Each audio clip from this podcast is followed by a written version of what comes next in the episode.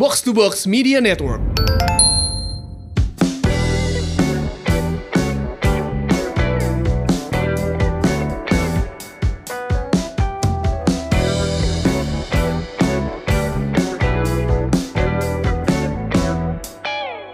Semurian, welcome back. Ini dia podcast Semur, Sehat Makmur.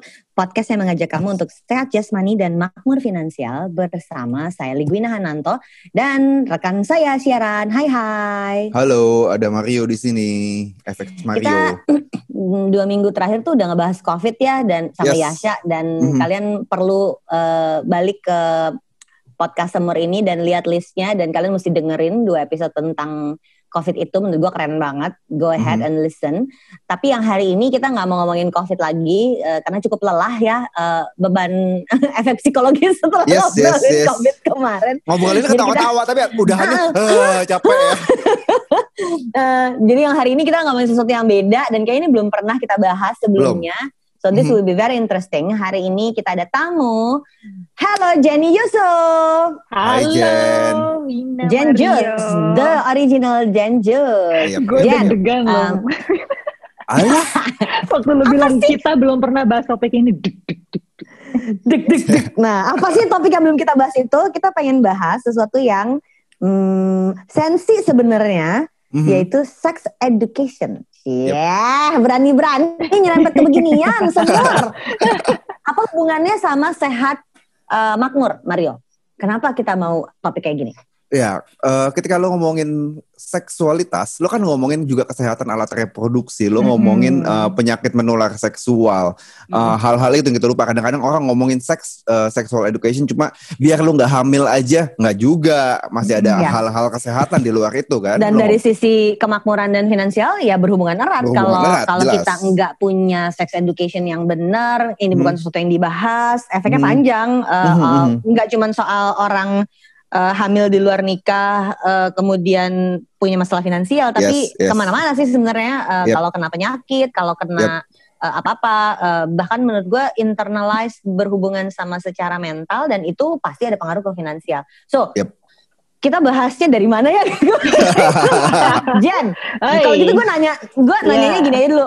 Kenapa lu yang gue kenal sebagai penulis, scriptwriter, Scriptwriter. Hmm. gue kan kenalnya itu ya uh, Hmm. Jen itu, dan gue emang kalau ngobrol sama dia, gue gue cukup cukup dekat hubungannya sama Jen, uh, nggak pernah ngebahas ke arah sex education, tapi gue Hmm. lihat banyak konten yang lu bikin di Instagram itu ada hubungannya sama sex education. Hmm. Yes. How did you start into this kind of conversation? Karena ini bukan topik yang mudah untuk didiskusikan Hmm. Sensitif apalagi soalnya kan. ya stigma perempuan single hidup Hmm. sendiri ngomongin seks ya nggak sih Hmm. Jadi gue kan udah tinggal di Bali selama tujuh setengah tahun ya Win. Gitu. Kita juga Oh, udah selama itu ya? Eh, kita juga kenalnya. kita kenal lebih dari tujuh tahun sebelum lo pindah nggak? sebelum lo pindah deh kayaknya kita udah kenal Eh, iya ya, tapi kayaknya pertama kali kita ketemu di Bali nggak sih? ketemu ketemu ya ketemu Eh, yang offline ngobrol, di Bali ya ngobrol ketemu panjang gitu. Offline. Ah, ah. Jadi setelah sekian tahun di Bali, gue kan mulai apa ya waktu itu sebenarnya sih simpel banget. Gue pengen gimana caranya sosial media gue bisa gue pakai untuk hal-hal yang lebih dari sekedar gue posting foto Yes. gitu.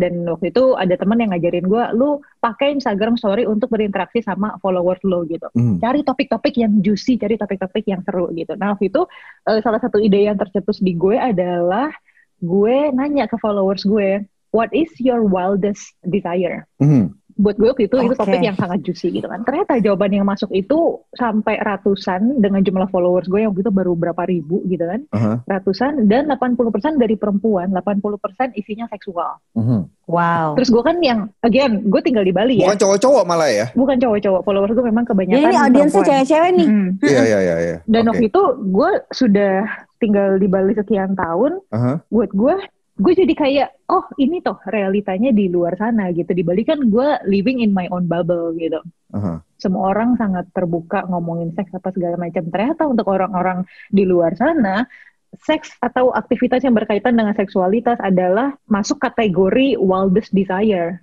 Even Oh, for wow. doing sex. even for doing sex. Oke, vanilla sex. Mhm. Oke. Gitu. Denger ya Semurian gue langsung diem gak ngerti gitu gimana. Sebagai tante-tante sudah menikah 20 tahun dan gue yang very mainstream. Hmm. I've only been with one man my Yeah. entire life. Yeah. Terus gue yang I cannot relate Ya, ini gimana nih, ceritanya. Salah satu, Oke lanjut salah lanjut satu lanjut. contohnya yang yang mention ini lebih dari satu perempuan. Dia bilang aku pengen belajar dari apa sih prostitute. I want to learn from a prostitute how to please men. Oh. I want to I want to learn how to like striptease gitu. Hmm. Ini ini tuh kayak your wildest thoughts tapi Mm-mm. terus di- diketik dan disampaikan ke lu Exactly, gitu ya. Ya, dan Ya, gue kan ya, selalu ya, ya. menekankan bahwa my space is a safe one. Jadi mereka bisa Ya. ngomong apa aja dan apa pun yang gue share selalu gue sensor dulu gitu. So they don't have to worry about that. Hmm, hmm, hmm. Ya, anonymous jadinya. Eh, eh, kalau perlu, kalaupun misalnya ada detail yang mereka nggak sengaja tulis itu selalu gue baca dan gue sensor gitu. So mereka nggak perlu khawatir soal itu. Jadi mereka ngerasa aman untuk cerita. Mm-mm. Nah, jadi gue mulai mencermati isu ini lebih dalam gitu, perempuan, seksualitas, dan hal-hal yang dianggap tabu.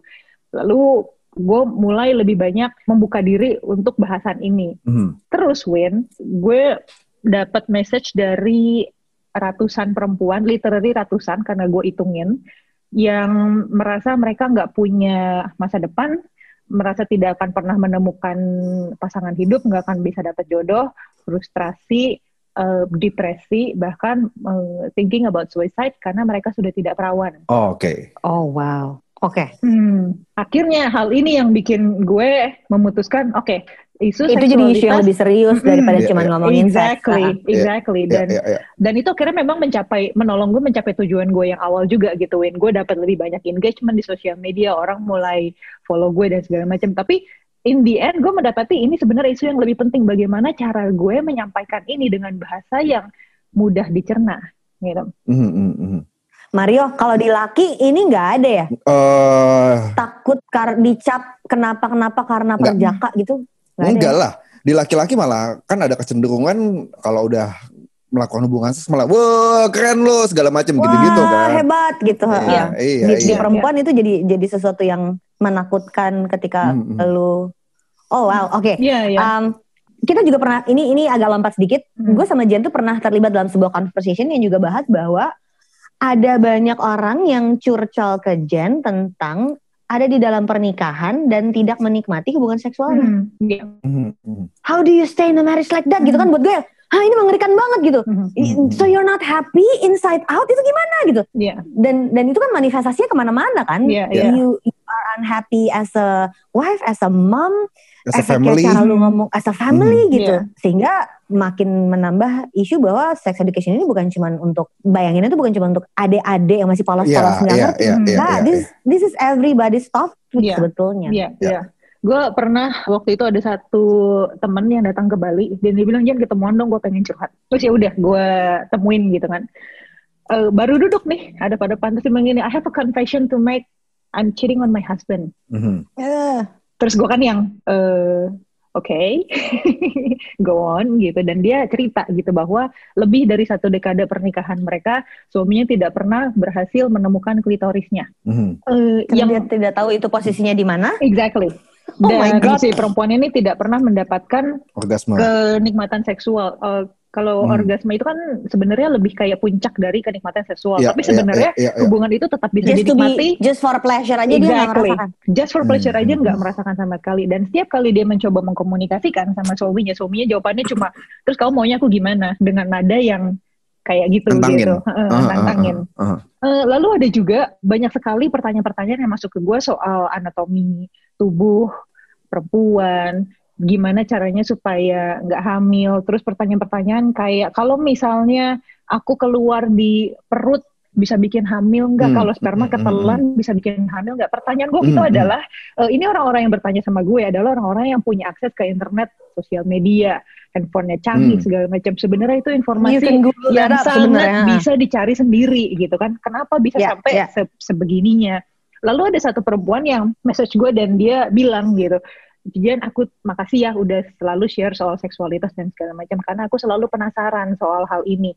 Aku pernah berkali-kali coba cari tahu sendiri, tapi setiap kali jawabannya kebuka, misalnya dia Google lalu jawabannya keluar, dia bilang aku selalu ngerasa takut dan aku selalu ngerasa ashamed Jadi dia tutup tuh semua jendela-jendelanya Oke, sebelum dia sehingga berhasil dis- diskusi dan baca. risetnya nggak pernah terjadi. Exactly. Jadi memang hal kedua yang gue amati adalah fear and shame around sexuality ini menghalangi banyak orang untuk belajar. Padahal itu sebenarnya resource yang bisa mereka akses sendiri. Oke. Gitu. Jadi dengan jadi gue berusaha untuk menempatkan diri gue sebagai teman. Oke. Gitu. Gue gue sangat jarang menempatkan diri gue sebagai pengajar. When I talk about sex and relationship, gue biasanya menempatkan diri sebagai mungkin kakak atau teman supaya mereka ngerasa nyaman. Oke. Karena itu satu-satunya cara. Jadi kalau kita ngomongin sex education itu sebenarnya pointers apa yang paling orang harus tahu dulu? Eh, anatomi tubuh, proses Mhm. reproduksi, apa yang menurut lo harus orang tahu lebih dulu? Oke, eh, kalau buat gue the basics in sex education itu of course satu pleasure gitu ya. Mm-mm. Pleasure itu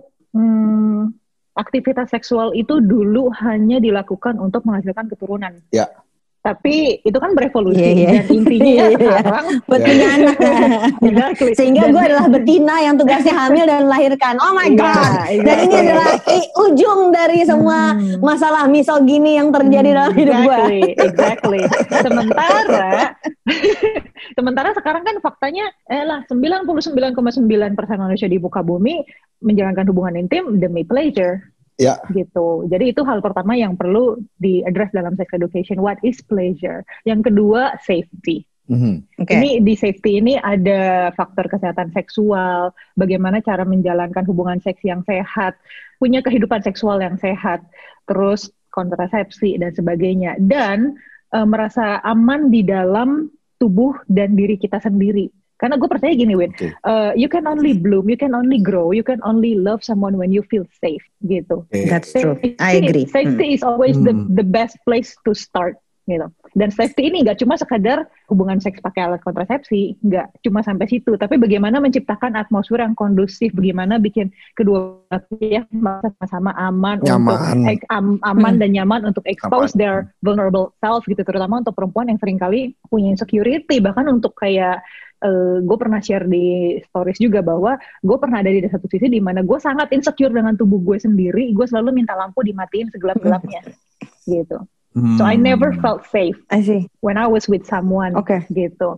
Lalu untuk menciptakan atmosfer di mana kita bisa merasa aman dan nyaman, of course dibutuhkan consent di dalam consent ada boundaries. Oke. Oke, Gitu. definisiin dulu ini kayaknya nih. Ini yang Hmm. yang banyak jadi masalah dalam diskusi. Tapi kalau di media sosial gue tidak melihat ini Hmm. sebagai diskusi sih, Iya. cuma lempar-lemparan Iya, argumen tanpa Iya, ada oh maksud Iya. lo gitu tanpa ada Iya. kayak gitu kan. Iya. Iya. Eh, tentang konsen sama boundaries. Hmm. Jadi kayak misalnya contoh Hmm. yang lebih serius soal RUU PKS gitu ya tentang isunya tuh menurut gue pasti semua orang setuju dong tidak boleh ada kekerasan gitu Iya. kan.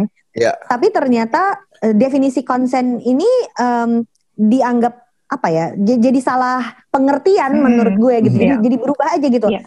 Misalnya di RUU PKS itu yang terus jadi perdebatan adalah perkosaan dalam pernikahan. Mhm. Karena ada kelompok orang yang berpikir ya pokoknya kalau udah nikah boleh berbuat. Iya, iya. Ya kan tetap harus ada konsen dong. Harus mau sama-sama gitu. mau, Hmm. bininya sama-sama mau. Mhm. Di kepala kita kan gitu. Iya. Iya. Definisi konsennya ini maksud lo apa sih biar biar semurian bisa mendengarkan definisi? Mhm. Oke, kalau misalnya dide- didefinisikan, gue juga sampai sekarang masih berusaha mencari definisi konsen yang bisa mencakup Yang semuanya dipahami ya. gitu. Tapi gue mungkin Mhm. bisa breakdown seperti ini. Jadi ada satu um, namanya Betty Martin, dia menciptakan tool yang namanya Will of Consent. Gitu. Oke. Jadi di dalam konsen itu ada empat Mari kita hal. Google. Susah? Betty Martin. Betty Martin, Will of Consent. Will of Ini ilmu consent. Will ini of ilmu. consent. Of Um, jadi ada empat hal di dalam hubungan fisik antar manusia ini, entah lu sebutnya cuma sekedar mencari kesenangan, entah itu full blown hubungan seks atau sekedar exploring each other. Empat hal. Yang pertama, uh, kita melakukan sesuatu kepada seseorang untuk memberikan kesenangan kepada mereka. Oke. Pleasure, either you call it kenikmatan, kepuasan, whatever. Lu melakukan Mhm. Kepada seseorang untuk memberi mereka. Yang kedua, lu melakukan kepada seseorang untuk mendapatkan Mhm. kesenangan buat diri lu sendiri. Mhm. Yang ketiga, lu mengizinkan seseorang melakukan sesuatu kepada untuk memberi mereka kepuasan. Oke. Yang keempat, lu menerima sesuatu dari seseorang untuk mendapatkan kepuasan bagi diri lu sendiri. Nih ini gue dari hasil Google ya. Jadi ada Selalu empat dua arah nih. ya Jen. Serve, take, Exactly. allow, sama accept. Exactly, exactly. Dan ini Jadi harus ada- lengkap. Ya, ada doer, ada giver, ada recipient, ada dantu. Nah, sampai keempat hal ini jadi jelas buat lo. Lu eh, gini, jadi lu baru akan bisa bilang bahwa oke, gue ready, gue bener-bener 100% giving my consent kalau lu tahu dalam hubungan yang sedang berjalan ini posisi lu apa, porsi lu apa, Hmm. dan apa yang sedang kalian berdua lakukan. Hmm. Kelihatannya agak ribet dan memang gue akuin juga waktu gue pertama kali kenal konsep ini, eh, ribet banget ya cuma pengen berdekatan dengan seseorang gitu. Tapi ini sebenarnya sangat Hmm. penting, apalagi di masa-masa ketika semua orang ngomongin Consent. consent dan boundaries, tapi sebenarnya what the hell is consent? Ya, Dan ya, saat ya. ngomongin Gitu. consent tuh bukan selalu harus hubungan seks intercourse ya. Ini Iya, benar-benar consent Iya. soal duduk bersama, Iya, exactly. soal pegangan soal tangan, Iya, iya. pegangan tangan, lihat-lihatan, komunikasi gitu Betul, kan. Iya, Jadi iya. kons- Consent Iya. tuh dalam banget isinya Betul, gitu. exactly. Kalau Iya, iya, iya. boundaries tadi berarti boundaries itu kita atur sendiri apa gimana? Exactly, boundaries, eh, lu bisa tahu boundaries lu apa ketika lu cukup mengenal diri lu sendiri. Hmm. Makanya gue selalu bilang ketika kita lagi ngomong soal, gue lagi bicara soal self pleasure atau masturbation, gue bilang itu adalah cara salah satu cara terbaik untuk mengenal diri lu sendiri. Dan ke, baru ketika lu udah kenal diri lu sendiri, lu bisa mengkomunikasikan sama partner lo, Oke. gitu. Jadi kalau misalnya balik lagi ke si Betty Martin dan Will of Consent, gue pernah ada di beberapa workshop yang mereka mempraktekkan Will of Consent ini dengan cara yang sangat sederhana, Win. Oke. Jadi lu nih duduk sama seseorang duduk hadap-hadapan gitu, Mhm. dan yang disentuh tuh cuma tangan lo Mhm. bisa jadi cuma punggung tangan gitu. Nah nanti si pemberi yang yang yang akan stroke tangan lo ini akan nanya ke si penerima, do you allow me to do to stroke your hand Mhm. for my pleasure? Dan nanti si pihak yang akan menerima ini harus kayak entah meditasi sebentar, entah ngelihat ke dalam diri, entah gimana, dia akan memutuskan yes or no. Oh. Kalau jawabannya no, ya udah Oke. lu nggak ngapa-ngapain.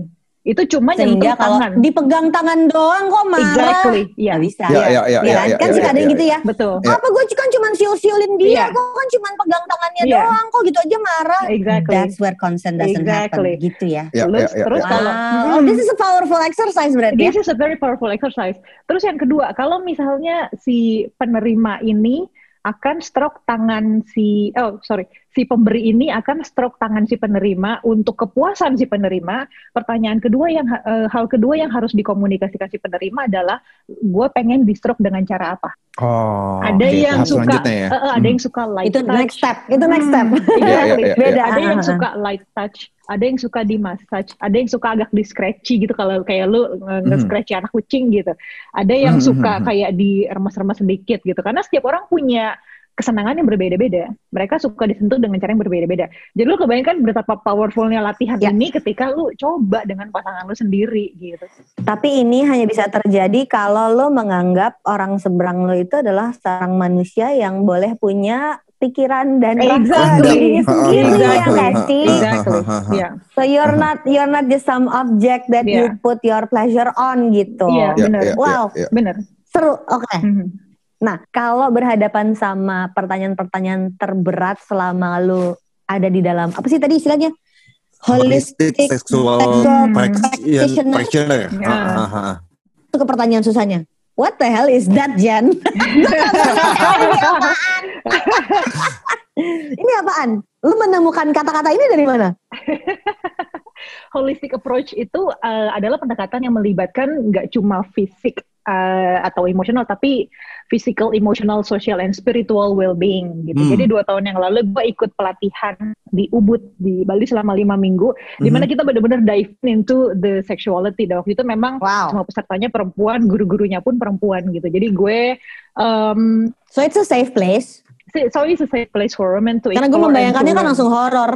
Ini apaan, iya, Jan? iya. apaan Itu- gitu itu- enggak ya? itu It's untuk safe place. perempuan selama lima minggu gitu. Jadi kita Hmm. bener-bener dive in gimana dan belajar mengenal seksualitas nggak cuma dari segi fisik di mana dua orang atau lebih dari dua orang uh, exchange their energy and time to to be with each other and give each other pleasure, tapi juga ke aspek emosionalnya, psychologicalnya, spiritualnya gitu. Jadi kayak contoh nih, oh itu kita belajar seksualitas untuk laki-laki dan perempuan walaupun isinya perempuan semua. Jadi kalau misalnya untuk laki-laki yang ingin memperpanjang ereksi, katakanlah menunda Oke. apa sih mengatasi Menunda ejakulasi ejakulasi. dini gitu. Iya, iya. Em, kalau lu ke dokter atau lu ke psikiater barangkali lu akan diberikan obat. gitu. Ya. Nah, Mhm, dalam holistic approach kita akan berusaha untuk cari tahu akar masalahnya gimana dan untuk menanggulanginya mungkin gue bisa kasih mereka breathing exercise. Jadi cara Hmm. mengatur pernapasan gitu dan kalau misalnya Hmm. yoga mungkin lo familiar dengan seven chakra Mhm, gitu mhm. kita belajar di mana seksual energi itu tersimpan yang mana itu letaknya di cakra nomor dua gitu Ya. gimana caranya untuk circulate the sexual energy supaya lu bisa punya um, kehidupan yang lebih harmonis dan nggak dan nggak big dan seksual energi yang di cakra nomor dua itu tidak menciptakan blockages ya akhirnya mendorong terjadinya ejakulasi dini itu in many cases Oh, Gitu. jadi ada kes- Oh, ketidakseimbangan di oke. cakra Betul. kedua itu ya Betul, istilahnya ya. betul. Oke, oke. dan oke, ketidakseimbangan oke. ini akarnya bisa banyak banget bisa fear bisa shame bisa stress gitu bisa physical. Bisa banget. Jadi kita Oh. eh, melihat suatu kasus atau suatu masalah katakanlah dari sisi yang lebih beragam. Itu aja sih sebenarnya. Oke, oke, oke. Hmm. oke. Gue kenalan itu sama si apa ya Eastern Medicine Mhm. itu lewat Reza Gunawan Oh. kan. Jadi pertama Mhm. kali gue pernah diceritain tentang cakra tuh lewat dia. Hmm. Dan tentu saja awalnya gue sangat uh, skeptis Mhm. karena Ya. apaan sih gitu Iya. kan. Tapi terus I try to just listen what he had to say uh, dan waktu itu penjelasan logisnya karena kalau di gue waktu itu isunya adalah ada masalah sama rambut gue yang rontok berat Hmm. dan itu Mhm. akhirnya ketahuan it has something to do with apa sih disebutnya? Kidney energi biasanya kalau ya kidney. kalau rambut ya. ah energi kidney dan itu berhubungan sama uh, alat Hmm, reproduksi iya. ternyata Hmm. terus gue apa hubungannya nggak nyambung kali kidney sama alat reproduksi dan dia Hmm. cerita enggak ternyata bahkan di western medicine pun sel kita kan dari dua jadi empat dari jadi empat Ya, jadi ya, delapan ya, dari ya, ya. jadi enam belas nah Hmm. si asal muasalnya uh, ginjal sama alat reproduksi kita itu dari sel yang sama seperti Hmm. juga Oh. Iya. uh, apa ya Otak dengan otak dengan Iya. perut. tuh. Ya. uh, perut sama paru-paru ini pencernaan Hmm. sama paru-paru ternyata Mar Oh. itu lebih nyambung lagi kan iya apa hubungannya Iya, tapi iya, iya, benar iya. biasanya orang yang ada masalah sama perut ada masalah juga sama paru Terus gue yang Iya. iya juga gitu Hmm. tau Iya, nggak sih iya, iya. di Ya, situ gitu. baru gue kayak mau mau membuka diri untuk mendengar nggak ngerti mungkin tapi paling nggak gue mendengar lah kalau ada cerita kayak itu mungkin nih ada semurian yang ngomongin apa sih Jen gitu kali ya mungkin ada yang Iya, iya. kayak gitu let me Iya. tell you my side of the story oh oke dan setelah waktu itu gue terapi gue pakai apa ya akupunktur kalau nggak salah waktu itu Hmm. uh, ada perbaikan tuh ternyata dan, dan istilahnya uh, Reza adalah alat reproduksi gue tuh dalam tanda kutip lelah Iya. karena gue melahirkan tiga kali gitu Iya, iya. Kadang dia Hmm. bilangnya tekor. tekor iya iya dia jelasinnya Iya. gitu Energinya habis dulu. Mm-mm. Udah nah dan ya. nggak nggak ke nggak ke recharge karena gue nggak tahu itu Iya. harus ngerti Ya, ya. Ya, Hmm. ya, ya. which brings us to this tough questions about uh, sex education apa pertanyaan-pertanyaan sulit yang lu pernah temukan atau curhatan orang yang pernah lu temukan yang menurut lu wah ini ini penanganannya udah harus beda gitu Hmm. Uh, most of the time perempuan yang kesulitan untuk mendapatkan kesenangan. Again, pleasure doesn't always mean orgasm. It doesn't necessarily mean yang sudah bersama dari 10 tahun, pengen punya keturunan, tapi mereka tidak pernah bisa menikmati hubungan seks. Jadi dalam rumah tangga itu peran mereka adalah sebagai partner dan sahabat. Tapi hubungan seksnya ditinggal gitu. I see Hmm. kayak gitu udah harus counseling dong kayak gitu udah harus counseling. Jadi gue selalu menekankan, ya gue selalu menekankan sama mereka untuk kasus-kasus tertentu. Banyak banget sebenarnya gue bilang eh, seek professional help. Karena ini bukan tempatnya gue. Walaupun misalnya kalau misalnya mereka ketemu sama gue, mungkin kalau misalnya gue assess masalahnya segala macam, barangkali gue bisa ngasih satu dua hal. Tapi kan ini sosial media ya bu, dan nggak pada Iya, tempatnya juga gitu. Itu bukan Iya, iya, sesuatu betul. yang gue provide gitu. Gitu.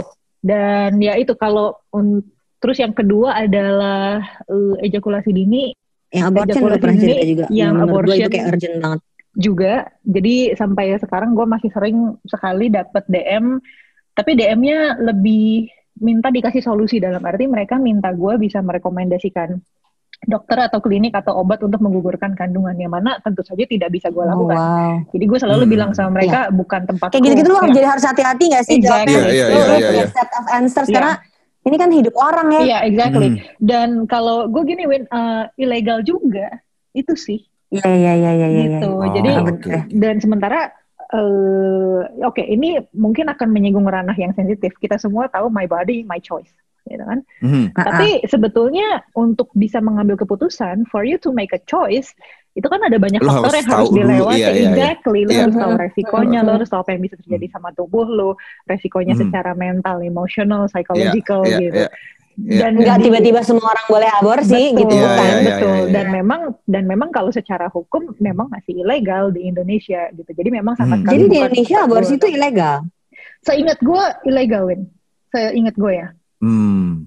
Untuk unwanted, untuk unwanted pregnancy ya, bukan untuk. Kalau kalau untuk med alasan medis beda lagi kan ya. Ah, Alasan medis beda lagi. lagi. Tapi Iya, eh, tapi 100% kasus yang dicurhatkan ke gue adalah unwanted pregnancies gitu. Hmm. Yang mana eh, membuahkan sebuah pertanyaan ke gue. Sebenarnya cara mencegah kehamilan itu kan safe seks persepsi itu kan sebenarnya sudah Enggak, enggak, enggak, enggak. yang Cara mencegah, cara Eh. mencegah uh, unwanted pregnancy itu adalah tidak cerot. Let me say this out loud and very clearly, ya nggak Iya, sih? iya.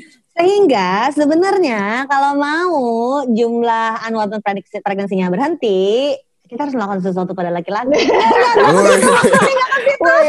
Jadi apa vasektomi ya? Iya? Tapi itu itu kalau kita ngikutin jangan, berpikirnya ya, tentu saja itu nggak akan terjadi Iya, iya, karena yang dilindungi adalah laki-laki. Nanti yang Yeay. masalah si perempuan aja terus sendirian. Nggak, kita kita perlu bikin satu gitu. diskusi lagi nggak sih Win buat ini? gue harus bercanda kalau gue nggak nyaman masalahnya gitu Iya, guys iya, gue nggak nyaman paham. sama topik ini gue takut gue takut I have teenage Iya. daughter Iya. gue serem banget membayangkan ya gila jadi jadi ketika itu dia bilang unwanted um, Hmm. Dia melakukan tanpa sadar konsekuensi gitu dong Mhm. berarti orang-orang Atau ini mungkin jadi gini, eh, again ini topik yang sangat sangat sangat sensitif dan gue minta maaf kalau misalnya mungkin ada pihak yang merasa disinggung dengan ini. Tapi banyak juga perempuan yang datang ke gue dan bilang laki-lakinya itu menjanjikan mereka gini, kalau hamil aku nikahin. Oke. oke Jadi eh, Iya, ketika iya. hubungan seks itu dilakukan, dua-duanya sebetulnya sadar bahwa ada resiko kehamilan yang bisa terjadi dan somehow tetap dilakuin. Oke. itu kognitif disorder Apa itu kognitif Kan di udah tahu. disorder? kan udah tahu udah tahu itu kayak Iya, ini iya, tau iya, nggak iya. sih Eh, Udah- COVID udah tahu nggak case boleh tinggi tetap banget jalanin tapi kita tetap Iya. nongkrong di kafe dan buka masker semua kayak gitu Oh, oke oke. Jadi Iya kan lu udah tahu Hmm. ini bisa menyebabkan kehamilan Hmm. lakukan dan lu nggak pakai pelindung Hmm. tahu gitu iya, bukan anak-anak polos nggak ngerti bukan Exactly. Jadi kan gue yang kayak oke, berarti ini tetap balik lagi ke konsen, tetap balik lagi ke boundaries dan kayak eh, aspek-aspek ini jadi sesuatu yang sangat penting untuk diadres dalam secara bersamaan gitu. Sexual education nggak cuma soal kondom dan anatomi Hmm. tubuh. kognitif dis Hmm. bukan disorder namanya salah gue udah kenceng salah gitu terlalu emosional Eh, Eh. tapi berarti em, betapa efek sesudahnya kan yang akan panjang dan kalau gue melihat itu dengan kalimat kalau hamil kita nikah betapa bahayanya kalau mm, dengan latar belakang si perempuan-perempuan itu cita-citanya adalah menikah doang Exactly. Mhm. Mhm. Iya gak sih jadi kan latar belakang di belakang itu lagi ya kenapa mau dong soalnya nanti dinikahin kok Betul. terus Hmm. hidup lo hanya untuk nikah jadi, jadi lebih jauh lagi nih Iya. Dan ratusan perempuan yang yang curhat ke gue soal frustrasi depresi dan suicidal karena mereka sudah tidak perawan juga memasuki hubungan seks dengan alasan yang sama. Dijanjiin kalau pakai kata mereka ya, kalau sudah diambil nanti dia bakal tanggung jawab. Hmm. Dan itu banyak sekali perempuan yang ngom ini luar biasa banyak yang nanya ke gue, boleh dong Ci aku nuntut dia tanggung jawab. Boleh, tapi kalau dia nggak mau tanggung jawab, Nah, lu mau iya, bisa apa exactly, gitu kan?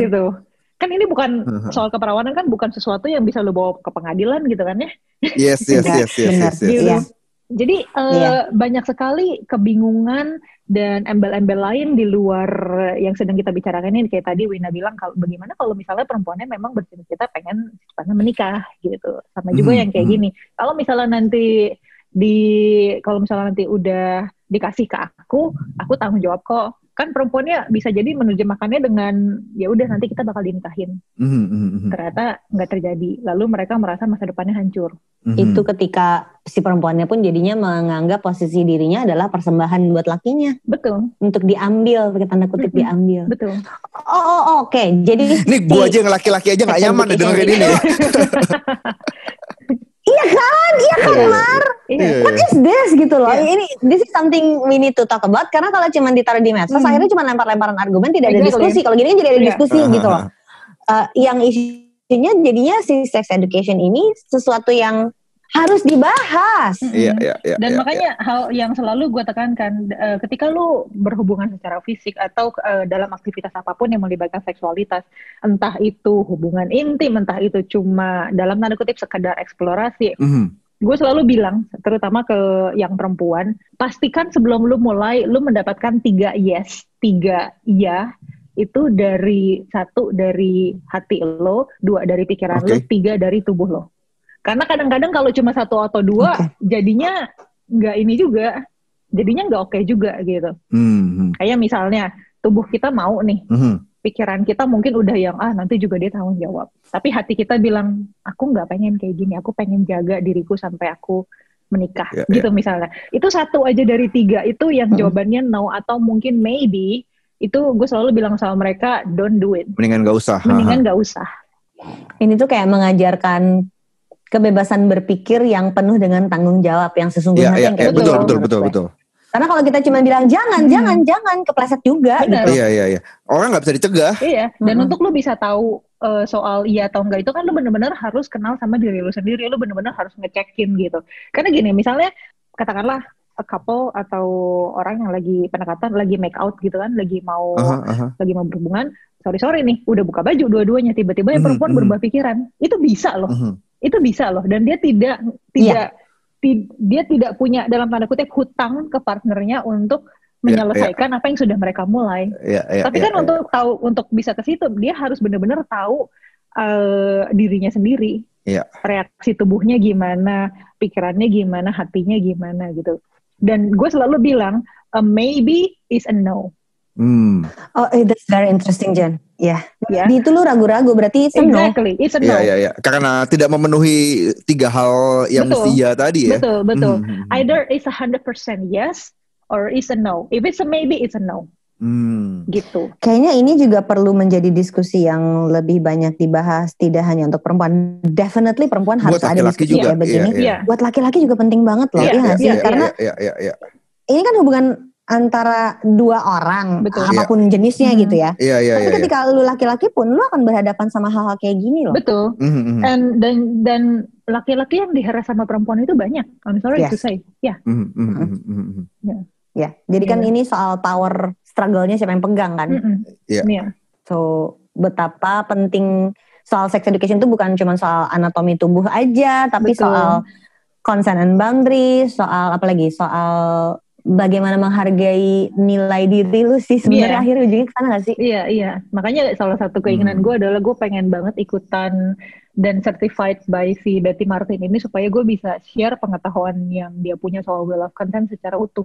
Karena buat gue ini penting banget. Oke, Jen, terakhir sebelum Ah. kita closing, Mm. apa pesan lo atau cita-cita diskusi seperti apa yang lo harapkan akan menjadi sebuah kemajuan di di saat lo membahas soal sex education? Karena ini kan you are so brave to talk about Hmm. something so uncomfortable. It is very uncomfortable topic. Gue jengah kalau ngomongin Iya, ini. Aha, aha, Dan setiap kali setiap kali di sekolah tuh ada uh, obrolan orang tua harus ngomongin ini sama anak dan gue Hmm. belum melakukan itu sama anak gue Mm. dan gurunya tuh ngomong gini Mm-mm. kalau dia nggak ngobrol sama ibu dia akan ngobrol sama orang lain. Mm-mm. Betul. Nah, Iya. itu Yes. Yes. sebagai laki-laki Iya sih. juga Hmm. pengetahuan seksual gue dapetnya dari teman-teman. Exactly. Exactly. Iya. Terus Iya, iya, terus iya. semua Padahal kan orang harusnya sama orang-orang yang safe dong, sama orang Iya, harusnya kan iya. sama orang-orang yang lu tahu safe buat lu kan Iya. kalau ngomongin yang kayak Iya. gitu. Terus kan. kalau udah dari teman-teman gitu biasanya pak acuannya dari porn. Yes, Yang betul. mana porn itu dibikin Oh untuk kepentingan gosh. komersil kan. Porn is not Komersil. iya, Isinya Ah, tuh iya. imajinasi doang gitu. Exactly, iya. Hmm. itu mereka syutingnya juga sambil lunch break kali. Iya, Bro, kita 15 menit makan siang dulu ya, abis ini kita lanjut. iya, Iya. iya. Ka- Itu ada ada berapa, berapa puluh kali cut gitu kan? Iya, Tidak iya, ada di iya. nyata itu. Iya, ada editing, ada lighting, ada acting di Iya. sana. Ada Iya, koreografi ya itu Betul, katanya. betul. Lu Iya, tau nggak, Win? iya. Salah satu salah satu pertanyaan yang paling banyak diajukan ke gue dari laki-laki dan perempuan adalah gimana cara supaya perempuan bisa squirting. Iya, iya, iya, iya, iya. itu kan dari itu kan 100% porn ya, Bo. Gitu. Iya, iya, iya, iya, iya, iya, iya, iya. dia mengharap oh gosh oke ya ya ya, oke ini membingungkan oke Jen your last words tentang how do we go about doing sex education untuk teman-teman di luar sana harapan gue adalah kita semua bisa bicara soal seks dengan lebih terbuka walaupun ini sesuatu yang tidak nyaman untuk dibicarakan gitu Mhm, mhm. Eh, karena kalau balik lagi kalau ngomong dari segi aspek holistiknya gitu energi yang di repress akan sel- akan tetap mencari jalan untuk merilis dan mengekspresikan dirinya gitu. Ketidaktahuan yang kita pendam ketakutan yang tidak pernah kita suarakan ketidaknyamanan yang kita pelihara demi tidak menyentuh topik yang tabu ini justru bikin kita mendapatkan informasi dari sumber yang salah gitu dan pada akhirnya akan berpengaruh kepada kualitas hubungan kita. Hmm. Jadi buat gue, harapan gue adalah ketika orang-orang semakin membuka diri untuk bicara soal seksual, eh soal seksualitas dan mendapatkan informasi yang benar, eh, akan ada banyak sekali paham-paham yang kurang Simpang siur, simpang bukan? siur Aha. yang bisa Aha. diluruskan gitu dan Oke. akhirnya orang-orang bisa mengenal diri mereka sendiri untuk memutuskan yang terbaik untuk mereka. Wow. Pengenalan diri ini sih Win Mar yang buat gue Ya, ya, ya, ya, sangat-sangat penting gitu. Ya, ya. So Mhm. this is so powerful. Ini bukan Iya. soal menjadi menjadi porno, bukan Iya, menjadi no, no, no. ngomongin seks-seksnya. Iya, iya. Justru Mhm, bukan. mhm. Bukan. Jadi mhm. ketika kalimatnya adalah sex education, orang tuh mikirnya udah oh diajarin Iya. untuk berhubungan seks. Iya. Enggak Ya. gitu mainnya. Untuk berfantasi seperti film porno, nggak Betul. gitu, gitu Iya. kan? dan Itu betul mainnya. dan ketika dan ketika gue bilang mengenal tubuh sendiri itu nggak selalu ngomong soal masturbasi nggak selalu Ya, harus ya. seksual itu tuh bisa sekedar kayak lo mandi dan lo ngusap badan lo pakai sabun terus lo rasain badan lo sendiri gitu. Jenis Mhm. sentuhan apa yang lo nikmati? Jenis apa ya stimulasi seperti apa di badan lo yang bisa mendatangkan kesenangan buat lo nggak harus seksual tapi hal-hal Mhm. seperti itu bisa melatih pengenalan lo akan diri sendiri. Dan ketika lo membaginya dengan orang lain, kalian tuh bisa bisa menikmati itu bareng-bareng, nggak cuma sepihak. Hmm. Thank you Jan. Gitu. This is very powerful. It's Hmm. about getting to know ourselves Mm, dan ujungnya adalah hubungan yang lebih baik sama pasangan kita. mm, mm. Exactly. Oke, Semurian itu obrolan bersama Jenny Yusuf, seorang holistic sexuality practitioner. Eh, saya FX Mario bersama rekan saya Saya Ligwina Hananto. buat apa sehat tapi nggak punya uang, buat apa makmur tapi sakit-sakitan. Live long and prosper. Bye, sampai jumpa di episode Bye-bye. selanjutnya. Bye bye. Dadah, dadah.